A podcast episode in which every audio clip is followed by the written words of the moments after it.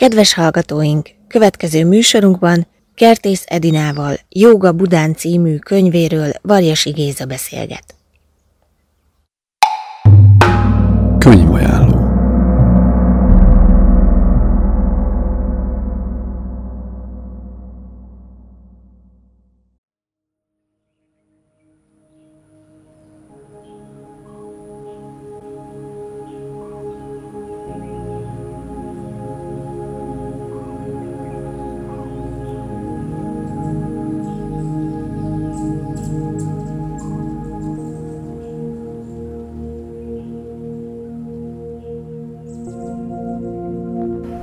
Üdvözlöm a hallgatókat, Varjasi Géza vagyok, és most Kertész Edinával fogok beszélgetni a Jóga Bután című könyvének megjelenése kapcsán. Szia Edina! Szervusz Géza, és én is szeretettel köszöntök mindenkit. Először is egy pár szóban légy szíves mondd el, hogy miről is szól ez a Jóga Budán, és miért lehet érdekes ez például a Buddha FM hallgatóinak. A Jóga Budán az első magyar jogaiskola két megalapítójáról szól, és biztos, hogy nagyon sokan találkoztak már ezzel a két névvel, Hajcs Erzsébetről és Szelvaradzsán Jeszudiánról van szó. Egyébként néhány ismerősöm, akivel beszélgettem, azt mondta, hogy igen, igen, nagyon ismerős ez a név számukra, mert hogy valahol már olvastak róluk, vagy az ő könyveiket olvasták, de nem tudták pontosan, hogy kik ők. Úgyhogy eh, én azért éreztem, hogy ezt a történetet nagyon fontos lenne elmesélni, hogy megismerkedhessünk azzal, hogy kik voltak ők, hogyan alapították az első magyar jogaiskolát, és egyébként is ez szerintem egy nagyon-nagyon érdekes történet, ahogy ők találkoztak. Úgy éreztem, hogy ezt mindenképp el kell mesélnem.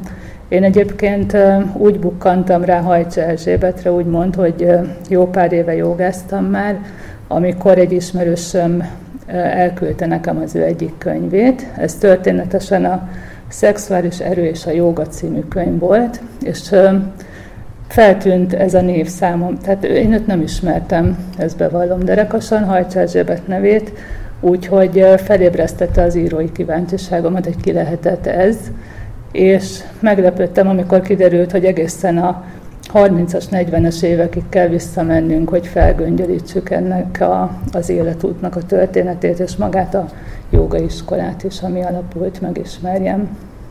Hát igen, a kettőjük neve tényleg megkerülhetetlen, ugye a magyarországi jogával, illetve a spirituális utakkal foglalkozók számára, és ezek szerinte is a jogán keresztül úgymond akadtál rájuk.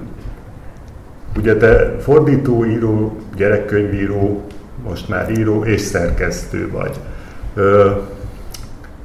Ez hogy volt sorrendben? Először voltam szerző, érdekes módon, és, és csak utána helyezkedtem el a könyvkiadásban. Tehát én olyan a 30 valahány éves voltam, amikor, először, amikor megírtam az első könyvemet, igen, előtte mindenféle helyen dolgoztam, például rendőrségen is dolgoztam gépíróként, tehát nekem úgy nem jött ez egyből, hogy én mivel szeretnék foglalkozni, és sokáig ilyen varga betűket jártam be az életben, és miután megszületett a, a kisfiam, utána kezdtem el gyerekszövegeket írni. Ez egy véletlen találkozásnak köszönhető. Egy házban laktam egy illusztrátorral, Horváth Monikával, aki pályázott egy rajzával, egy pályázatra, és én ahhoz írtam egy szöveget. És a, nyertünk vele egy külön díjat, és ott oda jött egy kiadónak a vezetője, és megkérdezte, hogy van-e kedvem írni, és persze, hogy volt kedvem. Egyébként egy barátnőm azt szokta mondani, hogy ő mindig tudta, hogy én író leszek, hát mondtam, hogy nekem is szólhatott volna, mert számomra elég későn derült ki, de hát eleve magyar szakot végeztem, tehát azért voltak erre utaló jelek, hogy engem csak ez érdekel tulajdonképpen, tehát engem a történetek érdekelnek, és az, hogy mindig rengeteget olvastam, az is egy jel volt nyilván, de ezt már csak így utólag lehet tudni. És aztán ez az első könyv, ezt az első könyvet továbbiak követték, és utána kezdtem el egy kiadónál dolgozni, mert hogy nagyon megtetszett magának a könyvkiadásnak is a világa, Úgyhogy jelenleg is egy gyerekkönyvkiadónál dolgozom, és mellette fordítok és írok, tehát hogy az egész életem a szövegekről szól most. Ez egy szerencsés fordulat. És akkor gyerekkönyvekkel kezdtél tulajdonképpen? Én valamennyi háttér munkát végeztem, és mondtad, hogy dolgoztál rendőrségen. Igen. És van egy olyan ilyen tematikájú gyerekkönyved, Igen. ami rendőrség vagy nyomozó tematikájú, mi is ez? Igen, ez egy ifjúsági regény trilógia, és a főhőse az egy csetlőbotló nyomozó. Ah. És akkor ő próbál kinyomozni mindenféle bűneseteket. És ehhez jó volt a te rendőrségi Tökéletes, igen, igen, igen. Hát onnan tudtál így átcsempészni dolgokat? Néhány figurát, igen, tudtam onnan hozni a könyvbe. Uh-huh.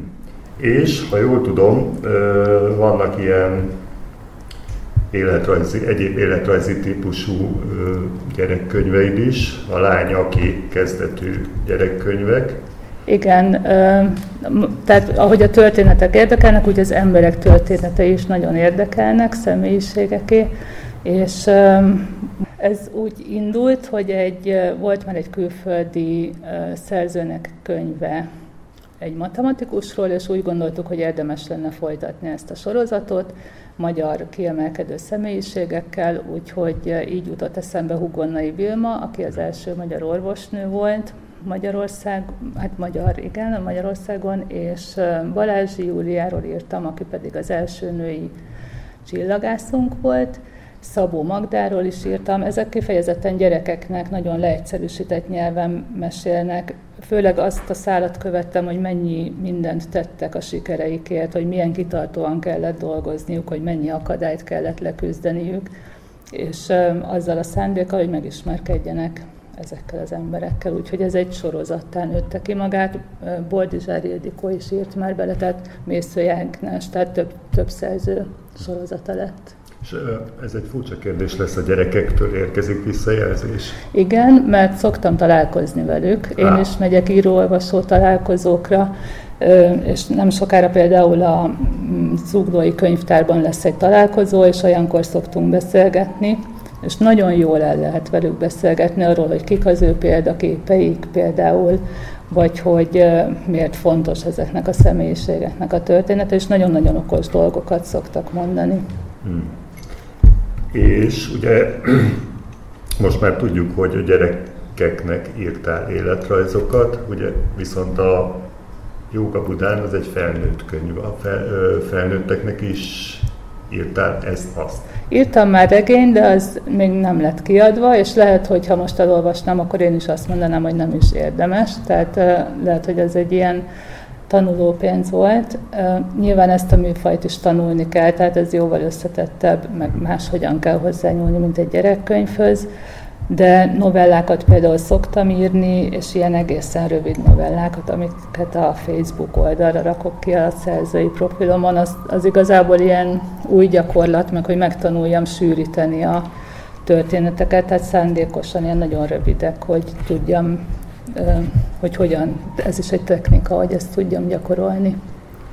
És akkor a Jóka Budára hogyan vagy honnan jött a felkérés? Az pedig úgy történt, hogy az Ateneum kiadónak a vezetője, Dian Victoria, egyszer csak megkérdezte, hogy lenne kedvem írni az ő időutazó sorozatukba egy könyvet, egy általam választott személyiségről. Ő egyébként azelőtt szintén gyerekkönyvekkel foglalkozott, úgyhogy már korábbról ismertük egymást, és szerintem mikor látta ezt az életrajzi sorozatot, akkor juthatott eszébe, hogy lehet, hogy ebben még van egy felnőtteknek szóló történet is, úgyhogy nem sokkal előtte kaptam meg Hajcsa Erzsébet könyvét, és kezdtem el utána nézni, így amikor a Viki megkérdezte ezt, rögtön tudtam, hogy, hogy én Hajcsa Erzsébetről szeretnék írni. És akkor, hogy kezdtél neki? Mert, gondol, mert azt most már lassan elárulhatjuk, hogy ugye ez nem csak egy életrajzi könyv, hanem igazából regényes formában megírt életrajzi könyv, amiben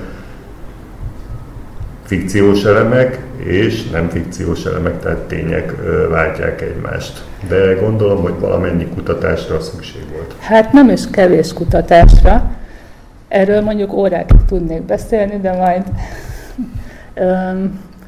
Mert ugye ők rengeteg könyvet írtak, tehát elindulhattam azon az úton, hogy elolvasom ezeket a könyveket, és nyilván így is tettem. Nagyon sokan ismerik Hajcsa Erzsébetnek a Beavatás című könyvét, amiről azt mondanám, hogy nyomokban önéletrajzi elemeket tartalmaz, de ezek becsapósak, ugyanis nem egy az egyben írta ő le az életének az eseményeit, sok helyen máshogy írta le, mint ahogy valójában volt, kicsit máshogy szőtte a történetet. Nyilván, ahogy ő benne ez felépült, az már egy más jelentést kapott utólag, hogy mi vezetett hova, de az életeseményeket ő nem pontosan adta vissza ebben a könyvben.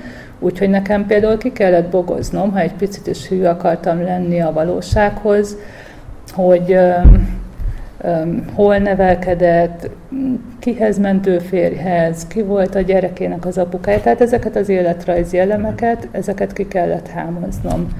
Aztán emiatt például ezt a Beavatás című könyvet nem tudtam azért úgy egy az egyben használni forrásnak, hanem csak bizonyos részekhez. Aztán ami, utána elolvastam nyilván a sport és jogát is, amit egyébként eredetileg Jeszudián írt. Erzsébet később került bele, úgymond, tehát ő később egészítette ki egy résztel. Az eredeti megjelenés az még Jeszudián neve alatt volt. Egyébként a Jeszudián könyveiben, a Joga hétről hétre, a Joga áldásos ereje címűben például vagy egy olyanban, ami még egyelőre csak németül jelent meg. Nagyon sok, szintén nagyon sok önéletrajzi elem van, de ezek sem pontosan megbízhatóak, mert már egy kicsit ilyen mítikus történetek kiálltak össze, tehát inkább meséknek tekinthetők, mint nagyon pontos élet, önéletrajzi elemeknek. Úgyhogy én elolvastam az összes könyvet, ez volt az első. Utána próbáltam kitalálni, hogy mi lehetne a történet szövése, honnan induljak, hova, hol kezdjem el egyáltalán ezt a történetet. És végül úgy döntöttem, hogy szerintem nagyon érdekes lenne, hogyha már a gyerekkoruktól elkezdeném, mert köztük egyébként egy viszonylag nagy korkülönbség volt. Hajcs Erzsébet 1897-ben született, Jeszudián 1916-ban, tehát azért nem kezdhettem ugyanott el az ő történetüket, hanem azért, amikor Erzsébet megszületett, Jeszudián még nem élt, Ráadásul két teljesen különböző világban születtek, Erzsébet ugye Magyarországon, Jeszudián pedig egy madrászhoz közeli kis településen Indiában.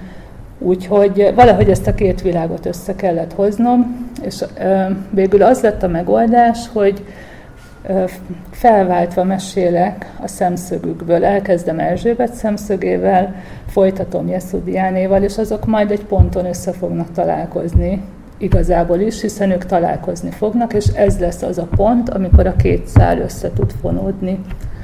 Úgyhogy igen, ez egy ilyen viszonylag egyszerű megoldás volt, és akkor Erzsébettel kezdtem ezt a történetet és mindjárt a gyerekkorával, ami egy nagyon merész húzás, mert hogy egy kisgyerek mit gondol, mit csinál, mit történnek vele, honnan lehet ezt tudni?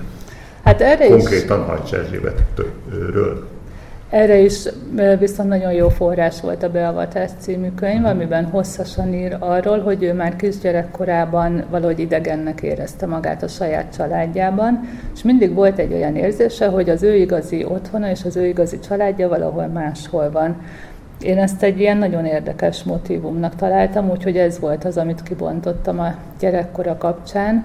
Még valami, hogy ő nem nevezte meg pontosan azokat a helyszíneket, ahol élt, Úgyhogy én aztán egy véletlennek, köz, vagy hogy mondjam, csodás véletlennek köszönhetően találkozhattam Hajcs Péterrel, aki éppen Magyarországon volt abban az időben, amikor én a kutatásokat végeztem, és ő rengeteget mesélt Hajcs Erzsébetről, úgyhogy ő volt a másik forrásom, aki, a, akiből én meríthettem, és ő mesélt el, hogy Balatonvilágoson volt az a, az a tóparti ház, ahol például ők a nyarat töltötték, mert Erzsébet csak annyit írt a könyvében, hogy egy tópartján de hát egy írónak muszáj tudni azt, hogy ez pontosan hol volt, mert le kell írnia a helyszínt, az embereket, azt a kort.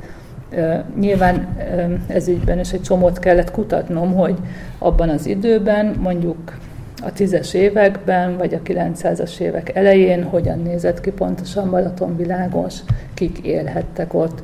Úgyhogy én mindig az Arkánum adatbázist használom erre, rengeteg cikket elolvastam, és akkor abból alkottam meg ezt a képet, hogy ez nagyjából hogy nézhetett ki.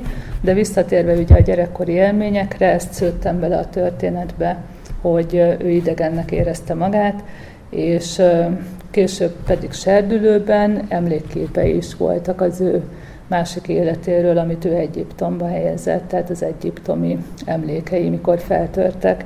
Ezt ő nagyon-nagyon érzékletesen leírja, és hosszan, úgyhogy nyilván ebből is tudtam meríteni, és ez egy ilyen történet a történetben lett végül ez a szál. Igen, azt figyeltem meg, hogy nagyon sok szálon szalad a történet, még hogyha van is ez a két főszál, ami aztán összetalálkozik, de vannak megpróbálom egyszerűen fogalmazni, egyéb dimenziók is ugye a történetben, azok a jelenetek, amiket álom, álomban uh, lát az Erzsébet, vagy azok a nem kifejezetten misztikus, de mégiscsak furcsa történetek, amik a Jeszudiánnal történnek Indiába. És akkor ezzel kapcsolatban az a kérdésem, hogy a, ezt a sokféle mondjuk dimenziót, aminek egy része misztikus, más része reális, harmad része kitalált, mennyire volt könnyű egybegyúrni?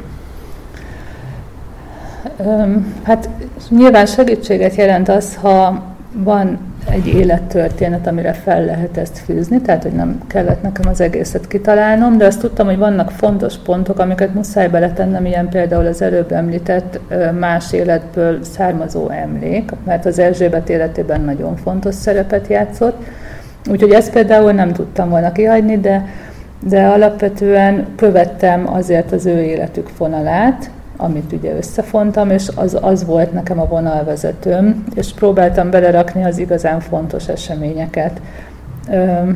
Tehát így építkeztem nagyjából, hogy, hogy azért tudtam, hogy mik azok a fontos dolgok. Ugye Jeszudiánnak is voltak ezek a, a, az előző életéből vett emlékek, amit tudtam, hogy, hogy szeretnék odarakni, mert ez Erzsébettel rokonságba hozta őt többek között ez is hogy mindkettőjük úgy gondolta, hogy, hogy a korábbi élet, tehát a, a reinkarnációban gondolkodtak, és, és fontosak voltak számukra ezek az emlékek. Tehát, hogy próbáltam mindkét oldalról belerakni ezeket a fontos pontokat. Mindkét kultúra, ugye a Jeszudián kultúrája és a Hajcs Erzsébet kultúrája is máshogy kezeli például a reinkarnációval kapcsolatos téziseket vagy állításokat, hogy a Hajcs Erzsébetnek ezt mennyire lehetett könnyű a saját köt, mert hogy Jeszudián nyilvánvalóan többé-kevésbé, még ha keresztény kultúrából származott is a családja, könnyedén kezelhette a reinkarnációs vagy igen, állításokat, míg a Hajcs Erzsébet egy egy olyan közegben nőtt fel, ahol ennek erre igazán nem volt támasz. Ez így van, sőt, szerintem gyanakodva szemlélték, bár ez, ez is kettős dolog. Egyrészt ugye a, a Horti korszak Magyarországáról beszélünk, ami egy konzervatív, keresztény beállítottságú világ. Másrészt viszont a második világháború előtt azért nagyon gazdag szellemi élet volt. Tehát, hogy mindenféle irányzatok be tudtak jönni külföldről, mert, mert nagyobb volt az átjárhatóság, mint a világháború után. Tehát többféle szellemi irányzat is megjelent. Például a spiritualizmus az nagyon-nagyon virágszó volt, a, akár a 20-as, de már szerintem a 10-es években is. Rendszeresen tartottak szeánszokat, összeültek, próbáltak kapcsolatba lépni túlvilági lelkekkel. Tehát, hogy ezek, ahogy, ahogy egyébként Erzsébetnek is volt egy ilyen spiritu, spiritista, azt hiszem ezt így nevezték, korszaka, amikor ő mint médium is kipróbálta magát. Tehát ebben a közegben mondjuk a reinkarnáció gondolata az nem volt feltétlenül problematikus, de egyébként ő leír egy olyan emléket, amikor ő már elkezdett előadásokat tartani a, a, az otthonában, igazából egy szűk körnek, egy ilyen 20-30 fős körnek, ahol mindenféle hallgató jelen volt, volt például egy egyházi személy is, aki igencsak felháborodott a reinkarnáció gondolatát, hallva is vitázni kezdett vele, mire Erzsébet egy bibliai részlettel válaszolt, tehát hogy ö, nyilván ebből az irányból ez nem volt egy elfogadható gondolat. És igen, eközben Indiában pedig ez volt a természetes, hiszen mindenki így gondolta, vagy az emberek nagy része ebben hitt. Úgyhogy ez, ez egy különös összeütközése volt a két világnak. Igen, ha jobban belegondolunk, legalábbis a, a Hajcs az életének ebbe a részébe, akkor tényleg lehet találni párhuzamokat. Most eszembe jutott, hogy Hanvas Béla például abban az időben ö, bontakozott ki Szepes Máriának is vannak arra az időre utaló írása, illetve az ő testvérének is, és Szerbantal is abban az időben működött. Igen, Szepes Máriát egyébként használtam is forrásnak, mert ő nagyon sokat ír erről az időszakról. Igaz, hogy egy más társadalmi osztályból, mert Hajcs Erzsébet egy nagypolgári családban élt, Szepes Mária pedig egy ilyen bohém művész családban, ahol tényleg mindenféle figura volt, és én már azelőtt egyébként ö, olvastam az, az önéletrajzi könyvét, Emberek és jelmezek, ha jól emlékszem, amit már akkor nagyon élveztem, és most viszont más szemmel tudtam nézni, hogy egy kicsit ezt a közeget így tanulmányozom, hogy hogyan is történt, mert ő is leír egy-két ilyen szeánszot, és akkor egy kicsit utána tudtam nézni, hogy ez hogy is történt pontosan, és a karaktereket egy kicsit kölcsön tudtam venni tőle. Például voltak Boriska Jós, ő például egy nagyon népszerű figura volt abban az időben, a 20-as években persze ismert, mentek hozzá tanácsért, de aki a könyvben fontosabb szerepet kapott, az Nérei Ödön, aki lágymányosan élt és az otthonában tartott összejöveteleket, a teozófiai társasággal volt kapcsolata, ami szintén virágzott abban az időben, és maga Erzsébet is kapcsolódott hozzá. Úgyhogy ez egy nagyon izgalmas időszak volt ebből a szempontból is. Akkor egy picit maradjunk a teozófusoknál. Ők a Rudolf Steiner kalapjából előhúzott varázsnyuszi, és hogy akkoriban ez még egy viszonylag friss áramlat volt. És hogy mennyire mélyen hatott át a közgondolkodás. Nyilván a közgondolkodást itt a budapesti közgondolkodásra értjük, tehát azt, hogy vidéken mi történt, azt nem biztos, hogy lehet tudni.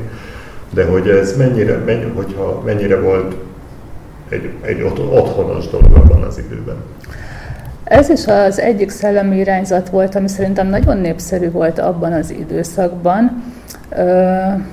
A spiritizmus mellett a teozófia is népszerű volt, volt is budapesti központja, tehát hogy tartottak is összejöveteleket.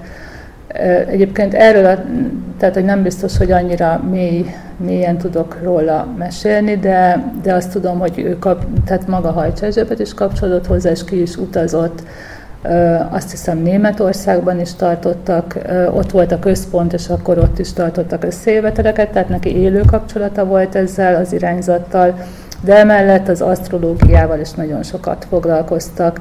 Ezt egyéb forrásból tudom, hogy egyébként ő is az előadásain foglalkozott ezzel, vagy pedig az ő hallgatói érdeklődtek a téma iránt. Tehát inkább azt mondanám, hogy egymással párhuzamosan sokféle szellemi irányzat volt köztük a teozófia is az egyik, ami ebben az időben tényleg széles körben ismert volt, és sokan foglalkoztak vele, amit hát aztán a világháború egy az egyben elvágott. Igen, még említ, említett, hogy Hajcs Erzsébet mindemellett grafológiával is foglalkozott, ha jól olvastam ki, akkor asztrológiával is. Asztrológiával, is, sőt, arcdiagnózissal is. Igen, én ezt onnan tudtam meg, hogy ugye kutattam a mm, korabeli újságcikkek között, és neki volt egy interjúja egy női magazinnal, amikor erről faggatták, és akkor a riporter azzal indított, hogy úgy tudja, hogy ő ír éppen erről egy könyvet, erről az arcdiagnosztikáról. Nekem egyébként az a gondolat tetszett meg benne, hogy ugye a szépségről faggatják, a női magazinok mindig a női szépséggel vannak elfoglalva, hogy mitől lehetne szebbnek lenni, és ő egyébként ez viszonylag ritka, hogy valaki azt mondja, hogy ez tényleg belülről jön, de most nem a, ebben a klisé értelemben, hanem hogy ami a jellemünk az kiül az arcunkra, és ő pedig azt tanácsolja, hogy például ne legyünk irigyek, telhetetlenek, tehát hogy hogyan gyakorolhatjuk lelkiekben azt, hogy, hogy megváltozzunk belül, és, és ezáltal kívül is. Tehát ez egy másféle szépségfelfogás, ami nekem így nagyon megtetszett, és azért is használtam fel ezt az interjút a könyvben. Úgyhogy ő tényleg nagyon sok mindennel foglalkozott, nagyon széles volt az érdeklődési köre, de például pszichológiával is, és volt is a könyvben egy jelenet, amit aztán később kivettünk, mert az már úgy nem nagyon illeszkedett a keretek közé, de ő egy ismerősén keresztül el is ment egy ilyen pszichiátriai intézetbe, ahol betegeket ápoltak, és ott időt töltött és tanulmányozta ezt az osztályt, és akkor az ottani benyomásai után döntött el, hogy ő szeretne azzal foglalkozni, hogy hogyan segíthetne mondjuk a szenvedésem, vagy hogyan foglalkozhatna emberekkel. Úgyhogy ő nagyon-nagyon sok mindennel foglalkozott, és nagyon széles volt az érdeklődése, például számmisztikával is. Ö, rengeteg minden benne van a könyvben is ezekből, hogy ő mi, miért, vagy mi volt az, ami őt érdekelte. És az fontos, hogy neki mik voltak a forrásai? Tehát, hogy például én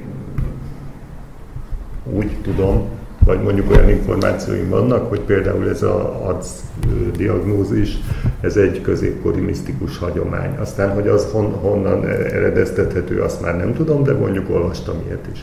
És hogy a, a, nyilván nem pontosan ugyanazok a könyvek voltak elérhetők abban az időben, mint most, sőt, hogy, hogy ő neki mik, mik voltak a forrásai ezekre a grafológia, asztrológia és a többi.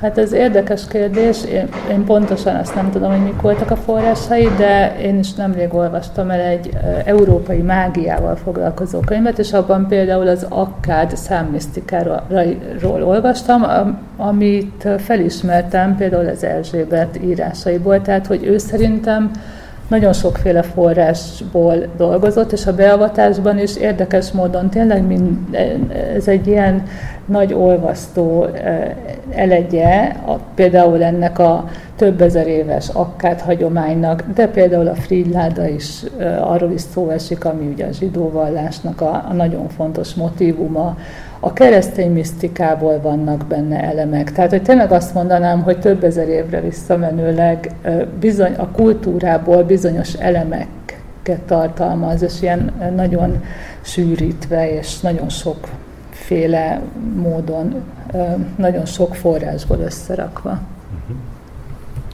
Igen, a, így, hogyha belegondolok, akkor a, mondjuk mai szóhasználattal azt mondhatnánk, hogy ugye ő egy reneszánsz ember volt, aki nagyon sokféle dologról tudott éppen eleget ahhoz, hogy használhassa, akár a művészetekről, tehát ha jól ö, emlékszem, zongorázott, vagy ö, képzőművészként, vagy iparművészként dolgozott, szobrászkodott. Ez így van, ő, ő zongorázni tanult, ő úgy gondolta, hogy zongoraművész lesz, és el is végezte a konzervatóriumot, azután elkezdte a szobrászat érdekelni, és akkor pedig Pásztor Jánoshoz ment el szobrászatot tanulni, aki akkor egyik neves szobrásza volt a Várkert bazárban, a, volt a műhelye egyébként, ez egy érdekesség, és ő valóban elkezdett szobrászkodással foglalkozni, amiben egyébként én úgy gondolom ma már, hogy elindíthatta az ő édesapja, mert ilyen kis plastikákat rendeltek tőle,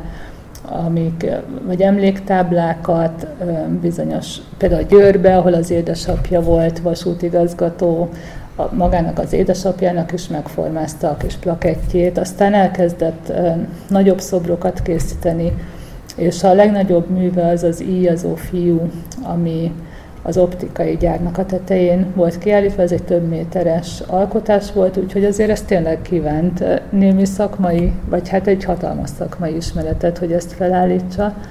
Tehát tényleg azt mondhatnánk, hogy, hogy reneszánsz ember volt, hiszen ezekben gyakorolta magát, és, és emellett pedig rengeteg mással is foglalkozott. Tehát a szellemi dolgok mellett a, úgymond az anyagi világban is megállta a helyét.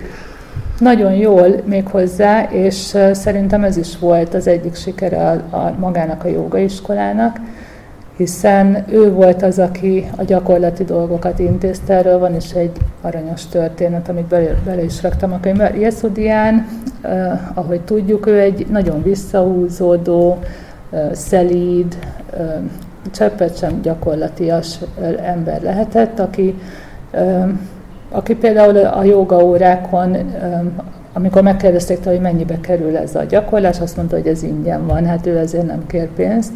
És aztán így megfogyatkoztak a, a gyakorlók, tehát hogy így eltünedeztek, és nem értette, hogy miért, és akkor a, az Erzsébet kérdezte tőle, hogy ha mondjuk vajat vennél, és azt mondanák, hogy tessék, ez ingyen van, akkor mit gondolnál? És mondta Jeszudian, hogy hát biztosan azt, hogy valami avas vajat akarnak rám sózni, és akkor mondta az Erzsébet, hogy na, hát ezért kell pénzt kérni azért, amit csinálsz, mert különben azt gondolják, hogy értéktelen. De a Jeszudian nem tudott, vagy nem nagyon szeretett volna ezzel foglalkozni, úgyhogy a Hajcs Erzsébet vette át a, a jogaiskolának a gyakorlati dolgait, és, és valószínűleg ez a két ö, személy kellett ahhoz, hogy ez, ez sikeres tudjon lenni később Svájcban is. Tehát az Erzsébetnek a gyakorlati érzéke, és a Jeszudiánnak pedig a, a szellemi tudása, amit ehhez hozzárakott, vagy a kisugárzása, a személyisége. Igen, eddig ugye a Hajcs Erzsébetről beszélgettünk, akiről most már tudjuk, hogy egy nagyon sokoldalú személyiség volt, úgy gyakorlatilag, mint szellemi. De most nézzük meg a Jeszudiánt, akiről, ahogy én olvastam, bizonyos értelemben egy sokkal simább és egyszerű élet, hát nem azt mondom életútja volt, de hogy az élettapasztalatai azok így a jóga irányáról szóltak, ha jól láttam. Igen, ő ezt úgy meséli el a könyvében, hogy ugye Madrász mellett született, egy keresztény családban, szerintem ez nagyon érdekes, hogy Indiában egy keresztény családban nevelkedett, az apukája orvos volt, aki egyébként az ajurvéda tudományát ismerte és alkalmazta, és úgy meséli el Jeszudián, hogy ő sokat betegeskedett gyerekkorában, tehát mindenféle betegséget elkapott, a tifuszt, a himlőt, tüdőgyulladása volt, tehát hogy ilyen tizen pár éves korára már csont és bőr volt, és az apukája nyilván mindent kipróbált rajta, és azt meséli, hogy találkozott egy jogi valaki, aki megmutatta neki a jogát, illetve korábban is már érdeklődött a téma iránt az apukája könyveiből, de amikor elkezdett önállóan gyakorolni, akkor nem jutott semmire, és amikor ezzel a mesterrel találkozott, akkor ő volt az, aki bevezette a jogába, és így így tudott egészséges lenni és meggyógyulni. Tehát ő fölkeresett egy mester, mert beteg volt? Igen, ő ezt meséli, hogy 14 éves kora körül már annyira kétségbe volt esve, hogy, hogy kóborolni kezdett a környező vidéken, ezt egyébként én próbáltam a könyvben felfejteni egy kicsit, mert ez nekem túl meseszerű volt. Tehát, hogy e, e, ezt én leszerettem volna írni, ezt a történetet, hogy ez hogy történt, és más forrásban rábukkantam olyan mesterre, aki Madrászban telepedett le egy parkban, és már akkor ez furcsa volt. Tehát, hogy ez egy nagyváros volt, és akkor már ilyen furcsálkodva nézték, hogy mit akar itt ez a jogi, aki csak ott üldögél, és csak meditál, és a gyerekek elkezdték kövekkel dobálni. Aztán egy, egy akadt egy gazdag pártfogója, aki azt mondta, hogy hagyják ezt az embert, hadd csinálja, amit szeretne, és mivel a jogi nem volt hajlandó a rétről elmenni, ezért épített oda egy házat. Úgyhogy én ezt a történetet használtam fel, amit egyébként Paul Brantonnél olvastam. Ezt használtam fel ahhoz, hogy megértsem, hogy ez egyáltalán hogy történhetett, és az én verziómban így találkozik Jaszudián ezzel a mesterrel. Mégpedig úgy, hogy ő oda megy ehhez a mesterhez, és azt mondja, és hogy szörnyű beteg vagyok. Jaj. Így van. Azt mondja neki, hogy mester, hogyan gyógyulhatnék meg, mire a mester azt mondja, hogy gondold magad egészségesnek. Ezt azért éreztem fontosnak beletenni, mert hogy az, ahogy gondolkodunk magunkról, az határozza meg, én ebben hiszek, az határozza meg az életünket is, és, és hát Jeszudián is később ezt bizonyította be, amikor, amikor megváltoztatta a gondolkodását, és elkezdett gyakorolni, és ez volt ez a pont, amikor el, elindult az egészség felé. Hatha jogával foglalkozott először, illetve pránajamával, ugye? Igen. Ő, ő szerintem végig a hatha jogát gyakorolta, vagy én úgy tudom, hogy leginkább azt, és az órákon is ezt gyakorolták. Csak rendkívül sokszor említed a könyvben a pránajamát is, ami ezek szerint a hatha joga egyik része lenne? Hát ő azt gondolta, hogy ez mindennek az alapja, és ezt is tanította, hogy sőt, amikor ő a mesterétől tanult, akkor is ezzel kezdték, hogy először tanuljon meg lélegezni, és először a, a légzés bevezet, először ezt tanulta meg, és amikor elkezdett ő is foglalkozni másokkal, ez volt az első, amit megtanított, hogy hogyan lélegezzenek helyesen, vagy hát a jóga légzést hogyan tudják használni. Úgyhogy ez volt az alapja az ő gyakorlásának, igen. És ő, ő ezt a praxisát, ezt a segítő praxisát Indiában kezdte? Én úgy tudom, hogy már Indiában kezdte, ő egyébként még egy érdekesség, hogy cserkészkedett is, a cserkész mozgalomnak volt, hát hiszen Mindenhova keresztény... tettem volna a cserkész mozgalomban, de Indiában biztos, hogy nem. Igen, ez engem is meglepett, de így volt egy Howard Oakley nevezetű.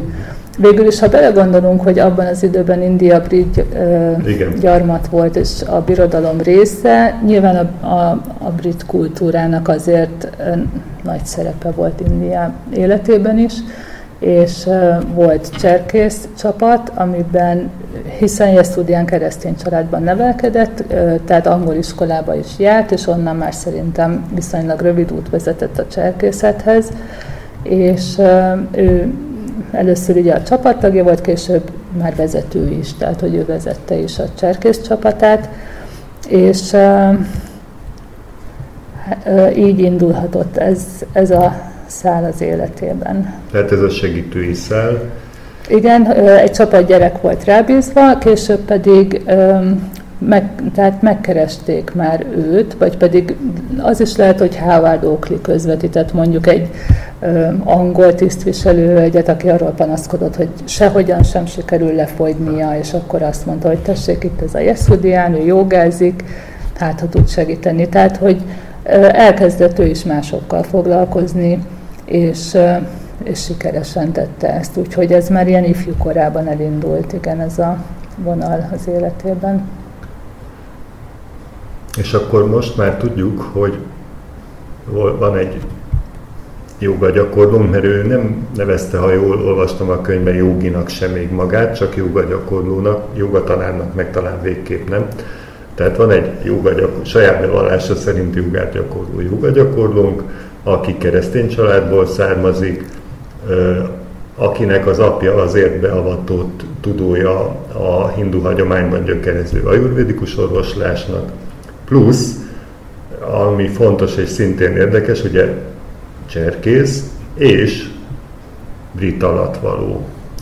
Mert ö, ez se volt világos, hogy ott az ember belegondol, akkor azok az indiaiak, akik ott a brit gyarmaton éltek, brit alatvalók voltak. Igen.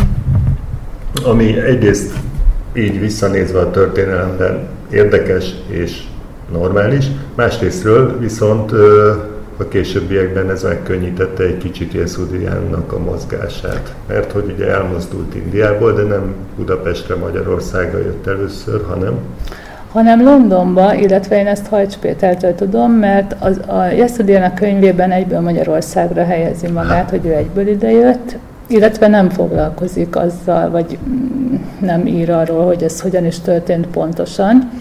Úgyhogy én utólag úgy rekonstruáltam az eseményeket, hogy valószínűleg a, a cserkészeten keresztül, tehát a Howard Oakley, ugye ő Londonban élt alapvetően, és a Jeszudian annyit ír, hogy amikor ő elindult vissza Angliába, már, mármint a Howard Oakley, akkor ő vele tartott.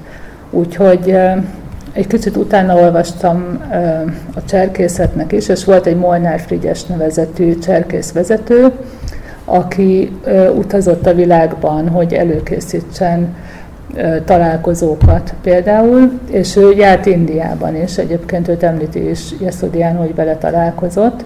Úgyhogy én úgy tudtam rekonstruálni az eseményeket, hogy valószínűleg ez a Molnár Frigyes lehetett az, aki, aki Magyarországra invitálta, vagy az ő révén kerülhetett Magyarországra. Tehát én ezt a cserkész mozgalomhoz kötöm.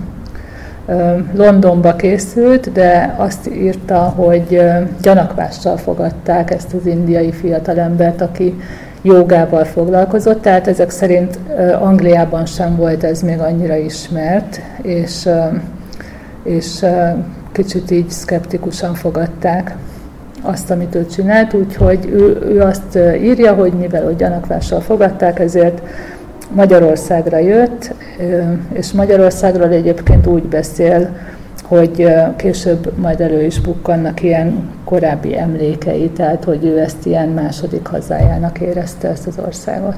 Korábbi emlékei mi szerint neki is, előző Magyar, életeiről? Előző életeiről, igen, és pedig magyarországi előző életeiről valamint a magyar nyelvről azt mondja, és ez egyébként így is van, hogy nagyon-nagyon gyorsan megtanulta a magyar nyelvet, mert ő ezt anyanyelvének érezte. Tehát, hogy neki már rögtön olyan kapcsolódása volt a magyar nyelvhez, hogy azt, az úgy is tartja a legenda, hogy ő, ő már nagyon hamar tökéletes kiejtéssel és ilyen összetett mondatokban beszélt, és ráadásul a háború előtti választékos kifejezéseket használta akkor ugye van egy rövid gyanakós rész Londonban, lehetséges, hogy azért nem érdeklődtek a britek annyira a jóga iránt, mert hát nekik ez egy gyarmat volt, ami egy gyakorlatilag mondhatjuk azt, hogy szolganépnek tekinthették az indiaiakat, és akkor tőlük tanulni az olyan. De minden esetre a Magyarország nem volt gyarmatban gazdag, úgyhogy itt nem volt meg ez a handicap és hogy, a, hogy uh, itt hogy sikerült hát gyökeret eresztenie Jeszudiánnak.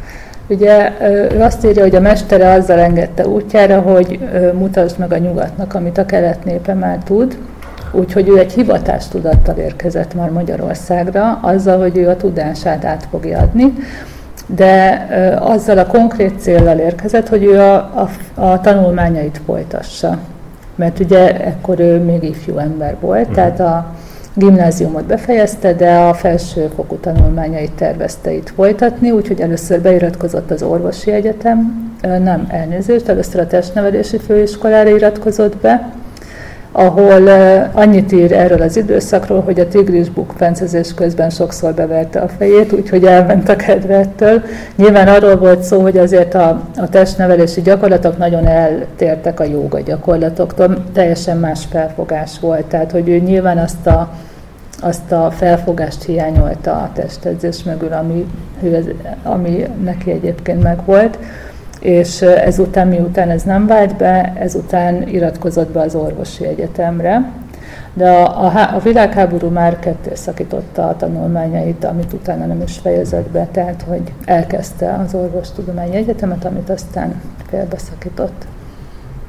Tehát, hogy akkor neki is lehetett volna egyfajta világi praxisa, vagy egyfajta hagyományos világi praxisa, mert hát a jogát is nevezhetjük világi praxisnak, de mégiscsak elindult a joga tanítás, vagy mondjuk közös gyakorlás útján ö, olyan magyar emberekkel, akiknek erről halványvilag őzük se volt nagyjából.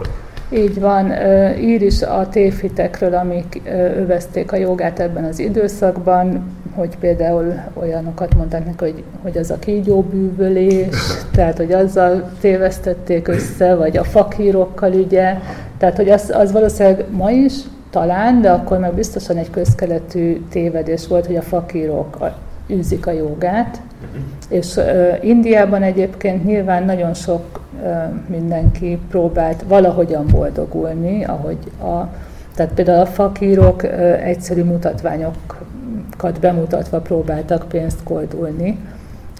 Egyébként van is ilyen jelenet, amikor az otthonukban is megjelenik egy ilyen fakír, és mindenfélét bemutat, hogy adomány gyűjtsön magának, tehát hogy volt egy ilyen közkeletű tévedés is, hogy aki szöges ágyon fekszik, az a, a, a jogi. Tehát összekeverték nyilván ezt a két dolgot, és rengeteg ilyen tévedés övezte. De azt írta, hogy Magyarországon már nem gyanakvással, inkább ámulattal fogadták őt, és például amikor végigment Pest utcáin, akkor így a maharadzsaként, tehát ez a, ő egy nagyon egzotikus jelenség volt a kék turbányjával, itt Magyarországon és Budapesten, úgyhogy őt inkább ez a, ez a csodáló ámulat, azzal fogadták, ahogy ő visszaemlékszik rá. Ez a különbség mondjuk az angliai fogadtatásához képest. És az egyetemen pedig elkezdett előadásokat tartani a jogáról, először a hallgatótársainak, aztán egyre több helyre hívták konferenciákra, a Pécsre jutott, Azután egy élelmes ügynök látott ebben lehetőséget, egy ilyen koncert ügynök, aki felkérte, hogy tartson előadást a Zeneakadémián is méghozzá a nagy teremben, uh-huh. ami ahol azért sokan elfértek.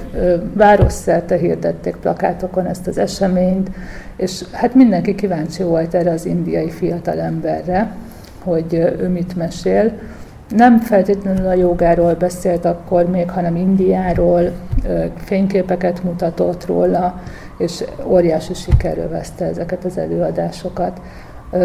Amellett pedig, hát ő gyakorolt jogát másokkal, de ezért ő még nem kért pénzt, tehát hogy ez nem, nem volt neki egy ilyen pénzkereső tevékenysége. Uh-huh. És akkor ö, szerintem a beszélgetésünkben most érkeztünk el nagyjából ahhoz a ponthoz, ahol a két szál összefut, ugye az Erzsébet és a Jeszudián szála. A, a könyvedben ezt elég részletesen és érzékletesen leírod, ebből mennyi a fikció és mennyi a úgymond tény. Uh-huh. Annyit uh, tennék még előre, hogy amikor ők már ők 1941-ben találkoztak, addigra már megjelent Jaszodiánnak a Sport és oh. Joga című könyve, tehát ő addigra már egy ismert valaki volt. És ők a, a könyv megjelenése után találkoztak. Uh, Erzsébet egy barátnője mutatta be őket egymásnak, vagyis uh, invitálta meg Jaszodiánt Erzsébethez, aki ugye eddigre már előadásokat tartott nagyon sokféle témakörben, és ez a, a Virág Ilona nevezetű barátnő Jeszódiánnal véletlenül a lépcsőházban találkozva, ugyanis tényleg véletlenül egy házban éltek. Uh-huh. Lépcsőházban futott utána, és invitálta meg Erzsébethez, hogy azzal a felkiáltással, hogy biztosan nagyon érdekes lesz ez a találkozás, és amikor Jeszudian ugye elég visszahúzódó volt, úgyhogy először ezt így próbált elhárítani, de amikor meghallotta, hogy a jogáról lesz szó, akkor már így szívesen elment, mert Erzsébet eddigre már ugye gyakorolta is a jogát, és előadásokat is tartott róla. Úgyhogy így ment el az Erzsébeték budai villájába. Ez a villa egyébként a mai napig áll, ez is egy érdekesség, és ez a Lóránt Fizsuzsanna utcában van. Itt állt egykor a, a műterem, amiben a jogaiskolát végül elindították. Úgyhogy amikor Jeszudián becsöngetett ebbe a villába, akkor Erzsébet ezt úgy írja le a könyvében ezt a találkozást, hogy ő rögtön felismerte őt az egyiptomi életéből, mert akkor ők már találkoztak. Tehát, hogy mind a ketten úgy tűnik, hogy felismerték egymást korábbról. Hát itt most ketté válnak a kérdéseim, mert ugye említetted a sport és jogát, ami azért egy nagyobb falat annál, hogy csak így átsikoljak felette. Sajnos ez az én hibám, hogy arra még nem kérdeztem rá, de most rákérdezek. Akkor ez a sport és joga, hogy is jelent meg ez abban az időben, amikor még ennyire komoly szakkönyv ugye nem volt elérhető, nálunk legalábbis. Igen, néhányan foglalkoztak a jogával, Delikáról, azt hiszem már ebben az időben írt róla, illetve Baktai Ervin Indiába már utazásokat tett, és le is fordított könyveket, de talán ekkor ez még nem nagyon volt közismert, vagy nem volt ennek akkora irodalma. Jeszudiánt én szintén csak rekonstruálni próbáltam az eseményeket, mert pontosan nem tudom, hogy hogyan történt, de egy kiadó vezetője kereshette föl, hiszen sikeres, ahogy említettem, Zeneakadémián tartott előadásokat, de vidéken is már előadókörútjai voltak, mm. tehát ő addigra egy ismert figura volt, és szintén egy ilyen talpra esett kiadó vezető lehetett az, aki ebben felismerte a lehetőséget. És én azt gondolom, hogy ő felkereste és felkérte ennek a könyvnek a megírására. Jeszudian készülhetett erre, mert ebben fotósorozatok is helyet kaptak, aminek csak az egyik fele készült Magyarországon, a másik még kint Angliában. Mhm.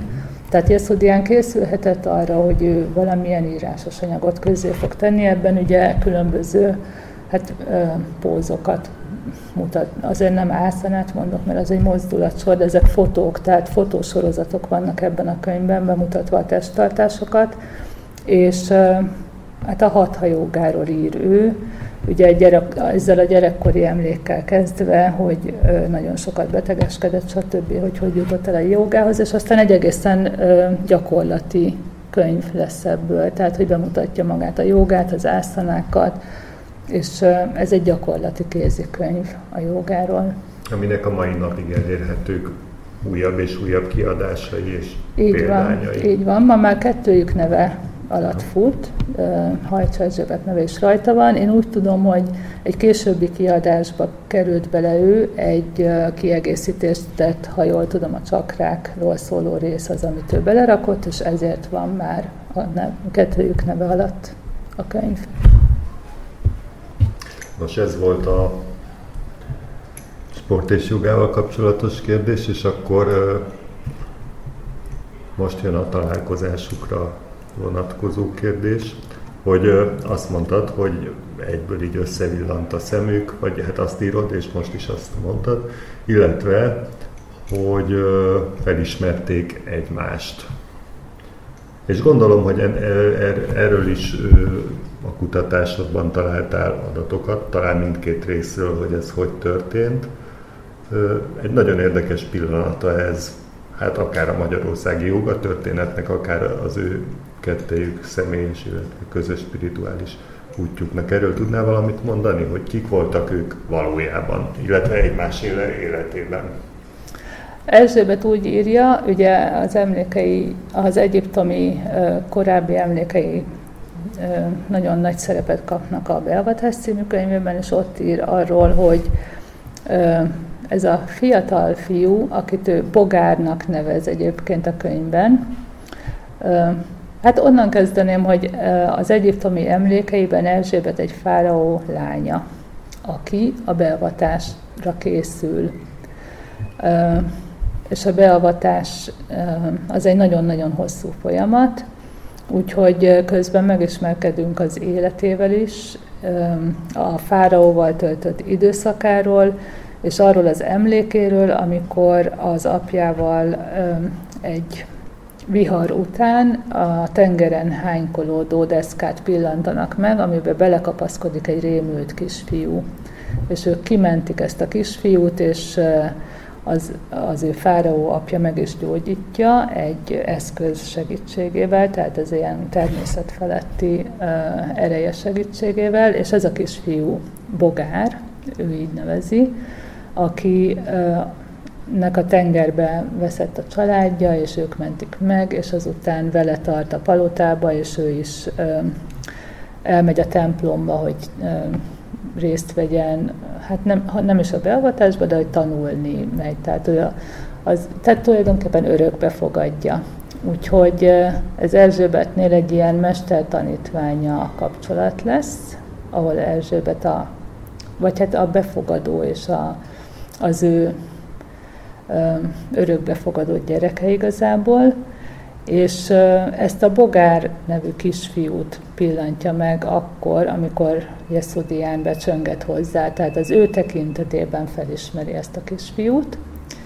Jeszudián pedig a, a fáma szerint őt egyből királynőnek szólítja, és akkor megkérdezi tőle Erzsébet, hogy miért szólítasz királynőmnek, és azt mondja, hogy ez hát a királynőm vagy. Tehát, hogy úgy tűnik legalábbis Erzsébet könyvében, hogy, hogy ez kölcsönös, ez a, ez a felismerés, ez a pillanat.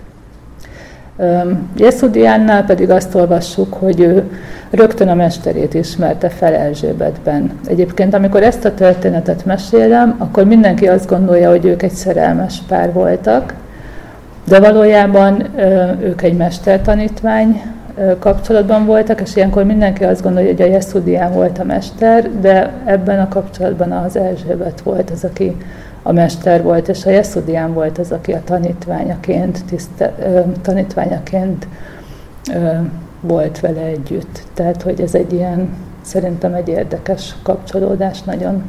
Kifejezetten, hiszen ugye a Jeszudián, aki egy nagyon ügyes jogaoktató volt, vagy hát pontosan nem is tudom, hogy én minek nevezzem, ugye ő gyakorlónak nevezte magát, ráadásul úgy, hogy hát volt személyes mestere Indiában, aki egyrésztről, ha jól tudom, meggyógyította, másrésztről átadta neki a legalább a hat hajogát és a preneljemet talán. Ö, talált egy új mestert, egy teljesen furcsa közegben, és nagyon hirtelen. Igen, igen, ez azért is lehetett, valahol ezt olvastam, hogy ugye Jeszudián keresztény családban nőtt fel, tehát az, ő mondjuk az indiai szent szövegeket nem annyira ismerte, a védákat, a mhm. Bhagavad Gita-t, amit viszont Erzsébet, igen, tehát ő, ő mélyen utána olvasott azért ezeknek, és úgy tudom, hogy ez ugyan ezt is tisztelte benne ezt a tudást, hogy ő például Erzsébettől tanult ebben a témában. Tehát, hogy ezért is lehetett ez, hogy Erzsébet szellemileg volt annyira széles körülön tájékozott, hogy ő pedig ezt tudta nyújtani többek között. A szerelmi szál az azért is gondolható, mert ugye ők összeházasodtak egy későbbi időpontban. Előtte, ha jól olvastam, Erzsébetnek volt két férje, és ugye ezt hozzá szoktuk tenni, bár az akkori viszonyokat nem ismeri az ember, hogy és még ki tudja hány egyéb kapcsolata, lehet, hogy egy se, azért mondom, ki tudja hány. De a Jeszudiánnal kapcsolatban ilyesmiről nem tudunk. Viszont, vagy én nem tudok. Neki volt felesége Svájcban, igen. Ó. Ő megnősült Svájcban, igen, igen. Most előre ugrunk akkor. Tehát itt Magyarországon az Erzsébet elvált a férjétől, akivel amúgy se volt már tökéletes az élet, összeházasodott Jeszudiánnal, hogy ki tudjanak utazni Svájcba. Um, Nem így volt? Majd, de igen, illetve Erzsébet az első házasságát ugye 20 évesen kötötte, uh-huh. ebből a házasságból született egy fia, a Gedeon. Uh-huh. Egyébként az egy Szabó László nevezetű mérnök volt az ő első férje. Második férje Vitéz Nesti Ödön, nem, Nesti Egon volt, elnézést, uh-huh. ő volt a második férje, ez már a 30-as, 40-es éveiben volt, ha jól emlékszem, 30-as éveiben talán. Nekik egy nagyon jó kapcsolatuk volt, tehát hogy ez egy boldog házasság volt. Amennyire vissza tudtam követni, Egon mindenben támogatta őt. Ő egyébként szintén egy mérnök volt, a Petőfi híd építésén is dolgozott. És azután, amikor vége lett a világháborúnak, és történt egy váltás, egy igen éles világnézeti váltás, ugye a kommunista párt előretörésével, akkor Erzsébetet figyelmeztette egy korábbi tanítványa, aki egyúttal titkos rendőr is volt, vagy valami hasonló posztot töltött be, hogy jobb, ha abba hagyják, amit csinálnak, vagy pedig elmennek, hiszen a jogaiskola akkor újra virágozni kezdett a második világháború után, folytatták ott, ahol abba hagyták, és több száz tanítványuk volt. Lát, tehát látta, látták, hogy ők tömegeket tudnak megmozgatni, ami abban az időben, ö, hát már ők, tehát maga a kommunista párt szerette volna a tömegeket megmozgatni, nem nézte jó szemmel, ha ez más valaki teszi. És hát a maga világnézet életükben sem illett bele az, amit ők csináltak, úgyhogy egyszerűen csak figyelmeztették őket, hogy jobb, ha ők most elmennek. Úgyhogy így történt az, hogy, hogy Erzsébet és Jeszudian úgy döntöttek, hogy elhagyják az országot. Amennyire én tudom, az ő kapcsolata a férjével az kiegyensúlyozott volt, bár ő a könyvében azt írja, hogy ő megtartóztatta magát mindenféle, tehát a házas élettől, mert hogy ő a szexuális erő és a jogában le is írja, hogy, hogy ezzel az energiával úgy bánik, vagy hogy hogyan tud, tudunk úgy bánni, hogy ezt nem kiéljük, hanem hogy ezt magunkban tartjuk, úgyhogy én, nekem ez itt rímmel is a történetre, bár nincsenek pontos információk, de én ezt így tudom elképzelni. Úgyhogy ők valószínűleg megbeszélték a férjével azt, hogy akkor ők most elválnak, hogy Erzsébet el tudja hagyni az országot, és ezért kötött névházasságot Jeszudiánnal, hiszen ő, mint brit állampolgár, kaphatott útlevelet, míg Erzsébet nem. Á. Akkor ezt a csavarosságot visszafejtettük. De Honnan ágaztunk el, amikor találkozott Jeszudián és Hajcs és hogy a, el, elkezdődött egy, ugye a, egy, egy, egy, egy együttműködés, egy kölcsönösségen alapuló együttműködés közöttük, például, a joga, például egy jogaiskolával kapcsolatban.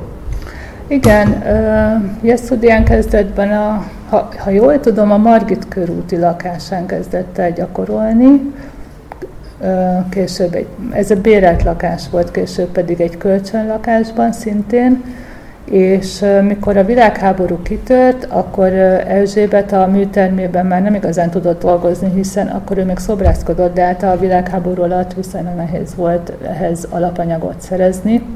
Úgyhogy ő, én úgy tudom, hogy ő felajánlotta ezt a műhelyet Jeszudiánnak, hogy akkor ott legyenek ezek a jogaórák és tulajdonképpen innen számíthatjuk az első magyar jogaiskola alapulását 1941-től ebben a budai villa mellett lévő műteremben. És akkor ez egészen sokáig ki is tartott, ez hát, a jogaiskola? Ez 48-ig. Alatt és hát nyilván a világháború az azért ketté vágta ezt, bár 44-ig viszonylag nyugalom volt itt Budapesten, mert ugye 44 nyarától azért már, már nem. Tehát szerint azt gondolom, hogy 44 nyaráig úgy viszonylag nyugalomban zajlottak a jogaórák, azután nyilván Budapest ostrom akkor már nem, és utána sem, és 48-ban mentek el ők Magyarországról, tehát a 45-től mondjuk 48-ig még tudtak működni. 46-tól inkább 48-ig. Akkor egy 6-7 év virágzás, vagy Igen. valami ilyesmi. Igen, nagyjából. A, részük. És akkor a, ugye azt, a, azt tudjuk már, hogy az Erzsébet inkább egy elméleti képzést nyújtott ebben az iskolában, míg Jeszudián tartotta a órákat. És ö, most rajtuk kívül más korabeli elbeszélőket lehetett találni, akik meséltek erről az élményről? Hogy ők a jogaiskolában jártak? Hát igen, hogy a jogaiskolában jártak, és az nekik milyen volt. Vagy akár újságcikkeket. Igen, például Popper Péter oh. járt ott gyerekkorában, Jeszudián óráján, és most nem emlékszem pontosan, de valami olyasmit ír, hogy, hogy egy sötétbőrű, vonzó, vagy hát egy jóképű fiatal ember volt ott, egy ilyen, tehát egy ilyen nagyon egzotikus jelenségnek írja le, úgyhogy azért Jeszudián személyes varázsához szerintem ez nyilván hozzájárulhatott, hogy ez az exotikum is. És egyéb újságcikkekben például rábukkantam egy festőcsoportra, akik szintén jártak a világháború kitörésekor pedig Párizsba mentek, tehát, hogy nagyon sokféle ember járhatott. Jeszudián maga is úgy ír róla, hogy, hogy Ugye akkoriban a társadalmunk szinte olyan volt, mint az indiai kasztrendszer, tehát voltak az arisztokraták, a nemesek, a nagypolgár, a kispolgár, a munkás, tehát hogy szerintem ez egy elég éles tagozódás lehetett, amiből benne viszonylag nehéz volt az átjárás. de ezeken a jogaórákon pedig mindenki ott jogázott egymás mellett, mert nem tartottak magánórákat, hanem mindenki ezekre a közös foglalkozásokra járt, úgyhogy tényleg a hercegi leszármazott mellett a, a vas öntödei munkás az ott jogázott Klotgatyában, és, és teljesen elmúltak a társadalmi különbségek, és ez fontos volt. Fontos volt, és egy korszakkal később pedig már elben nem is nagyon lehettek, tehát lehettek volna társadalmi különbségek. Tehát ahogy tetszik, egyfajta értelemben ennek is megágyazott egy kicsit a jogaiskola, bár nyilván ezt mostanában nem szokás pozitív dolognak tartani. Hát nyilván az egész könyvet nem kell se feldolgoznunk, se elme, el, elmesélned.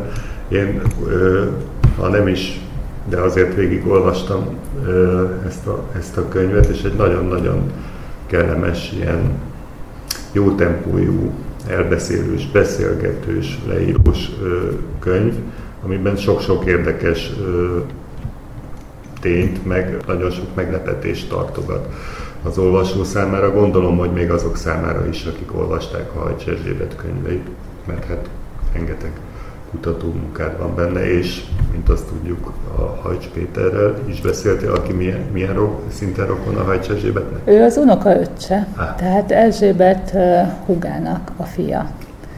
Uh, Hajcs Luisa volt az ő huga, aki egyébként Magyarországon maradt. Péter rengeteget segített, tényleg nagyon sokat, és egy fontos dolog volt még, amikor elkezdtem kutatni, akkor egy újságcikkben azt olvastam, hogy létezett egyfajta joga szamizdat, ami a világháború nem, tehát a rendszer, a kommunista rendszer kezdetétől ez a joga, ugye nem nézték jó szemmel, úgyhogy egyfajta föld alatti mozgalommá nőtte ki magát, ilyen illegalitásban ö, olvastak és beszélgettek és gyakorolták ezt, és ö, Erzsébet és Jeszudián a tanítványoknak leveleket küldözgetett, és ö, ezeket összegyűjtötték, és ö, tényleg azt olvastam, hogy ilyen függöny mögött gyakorolták a jogát, hogy ez ennyire nem volt ilyen elfogadható dolog akkoriban, úgyhogy ez a, ezek a levelek, meg az előadások anyagai, a könyv anyagai, azok összegyűltek egy ilyen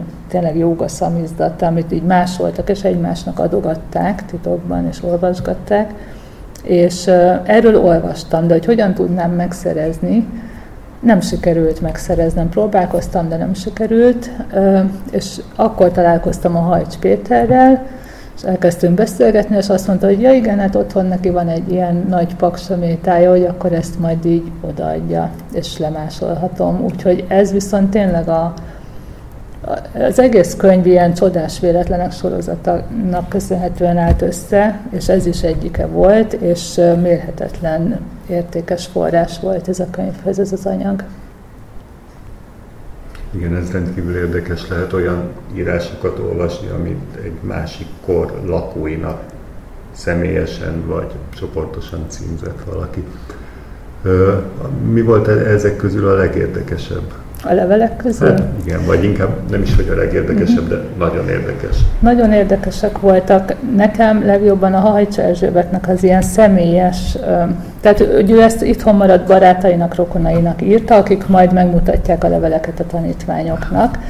Úgyhogy van nagyon sok ilyen tényleg nagyon személyes adalék, amit sokszor például leszídja őket. Például amikor ők névházasságot kötöttek, akkor elterjedt nyilván a plegyka, hogy akkor ők mégis együtt vannak, holott egészen ideig azt mondták, hogy ez egy nem olyan kapcsolat, és akkor, hogy ez most hogy is van.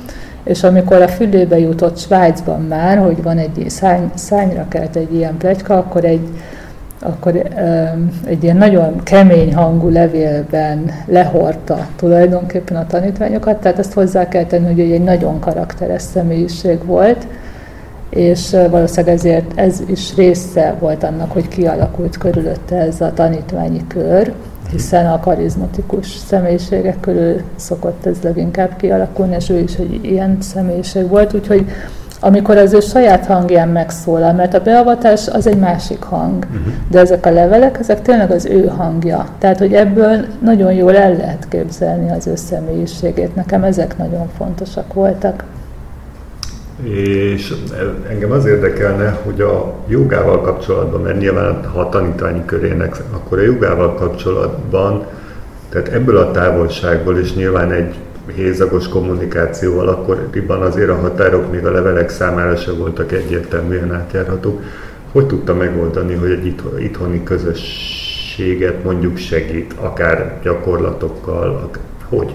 Életvezetési tanácsokkal, amiket ő, ő osztott. Tehát, hogy, hogy öm, Egyébként az nekem szimpatikus volt, amikor azt mondta, hogy ne azért csináld, mert én mondom, hanem hogy azért, mert... Uh-huh. Tehát, hogy nem, ő nem állította be magát soha ilyen tekintély személynek, hanem azt mondta, hogy ez a te, ahogy neked ez jön belülről, ha úgy csináld, hogy ne azért, mert én mondom, de hogy konkrétan tényleg ilyen életvezetési tanácsokat, gondolkodásra vonatkozóan ne irigykedj. Tehát tényleg ezek a klasszikus tanítások, ő ezeket levélben is ugyanúgy még Svájcból is küldözgette. Tehát ő tényleg tanítványainak tekintette ezt a kört, és ő, ő tanította őket ezeken a leveleken keresztül és itthon egyébként él tovább a, a Hajcs Erzsébet hagyománya, tehát a, a jogá, jogázók, a jogatanárok között? Igen, igen, én úgy tudom, hogy igen. Hatbanban lesz egyébként egy jogafesztivál a jövő héten, és én úgy tudom, hogy ott például Jeszodián tanítványa, ő az, aki ezt szervezi, és ő gyakorol is az ő módszere szerint, de többen többen gyakoroltak az ő módszerével, és vitték tovább a hagyományt. Miklós Ervin is tovább vitte, aki ugye személyesen is járt náluk többször, uh-huh. úgyhogy több szálon is folytatódott a hagyomány, én úgy tudom. Hát akkor lehet úgy tekinteni, hogy a, ha nem is, vagy jelenleg már nem is a, az összes magyarországi jogaiskola, de egy időben azért a, az az ő elvetett mondjuk magjaikból származott, vagy szökkent szárba. Szerintem nagyon jelentős a hozzájárulások a magyar joga élethez, tehát tőlük indult, igen. Ma már egyébként, ha bemegyünk egy joga stúdióba, én sokáig jártam úgy jogázni, nem is hallottam az ő mhm. nevükről, tehát nem feltétlenül hallunk róluk, de azért van, van aki még próbálja életben tartani ezt a hagyományt. Igen, mert hiszen most már ö, több irányból jönnek jogaiskolák, különböző jogaiskolák.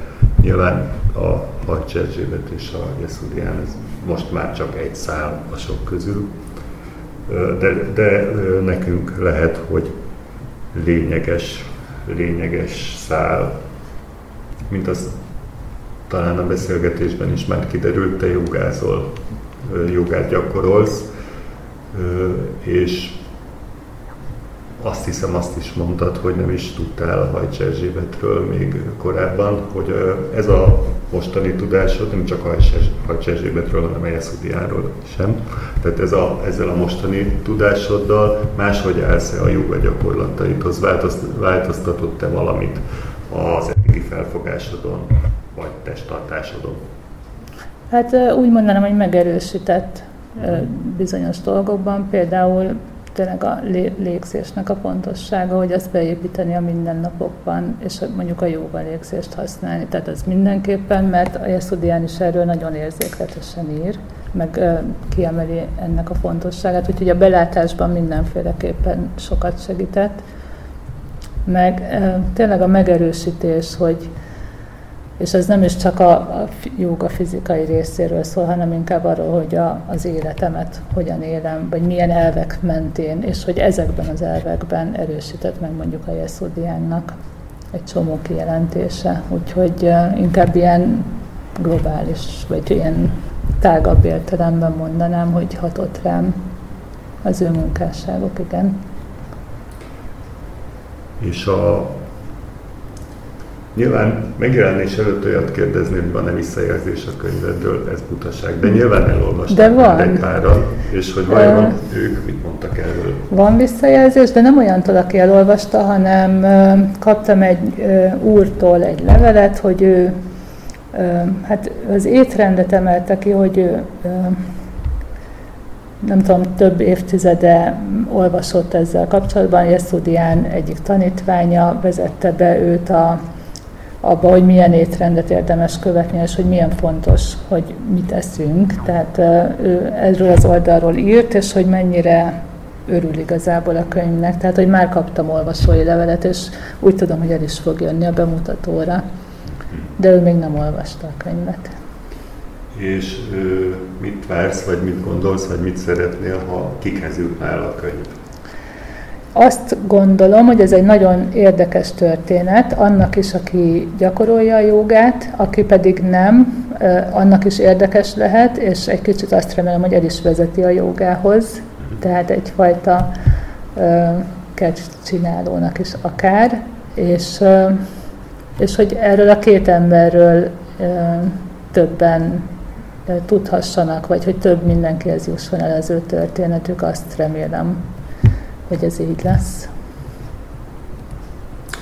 Illetve azt még szeretném megkérdezni, hogy most ez a könyv már kész, vagy hát majd akkor lesz kész, amikor az olvasói elkészítik a saját elméjükben a verziói, a verzióikat, de részedről ezt lehet mondani, hogy, hogy ennyi, és hogy van-e terved akár hasonló, akár más témában, hogy folytatod ezt a akár életrajzi, akár joga, spiritualizmus tematikát?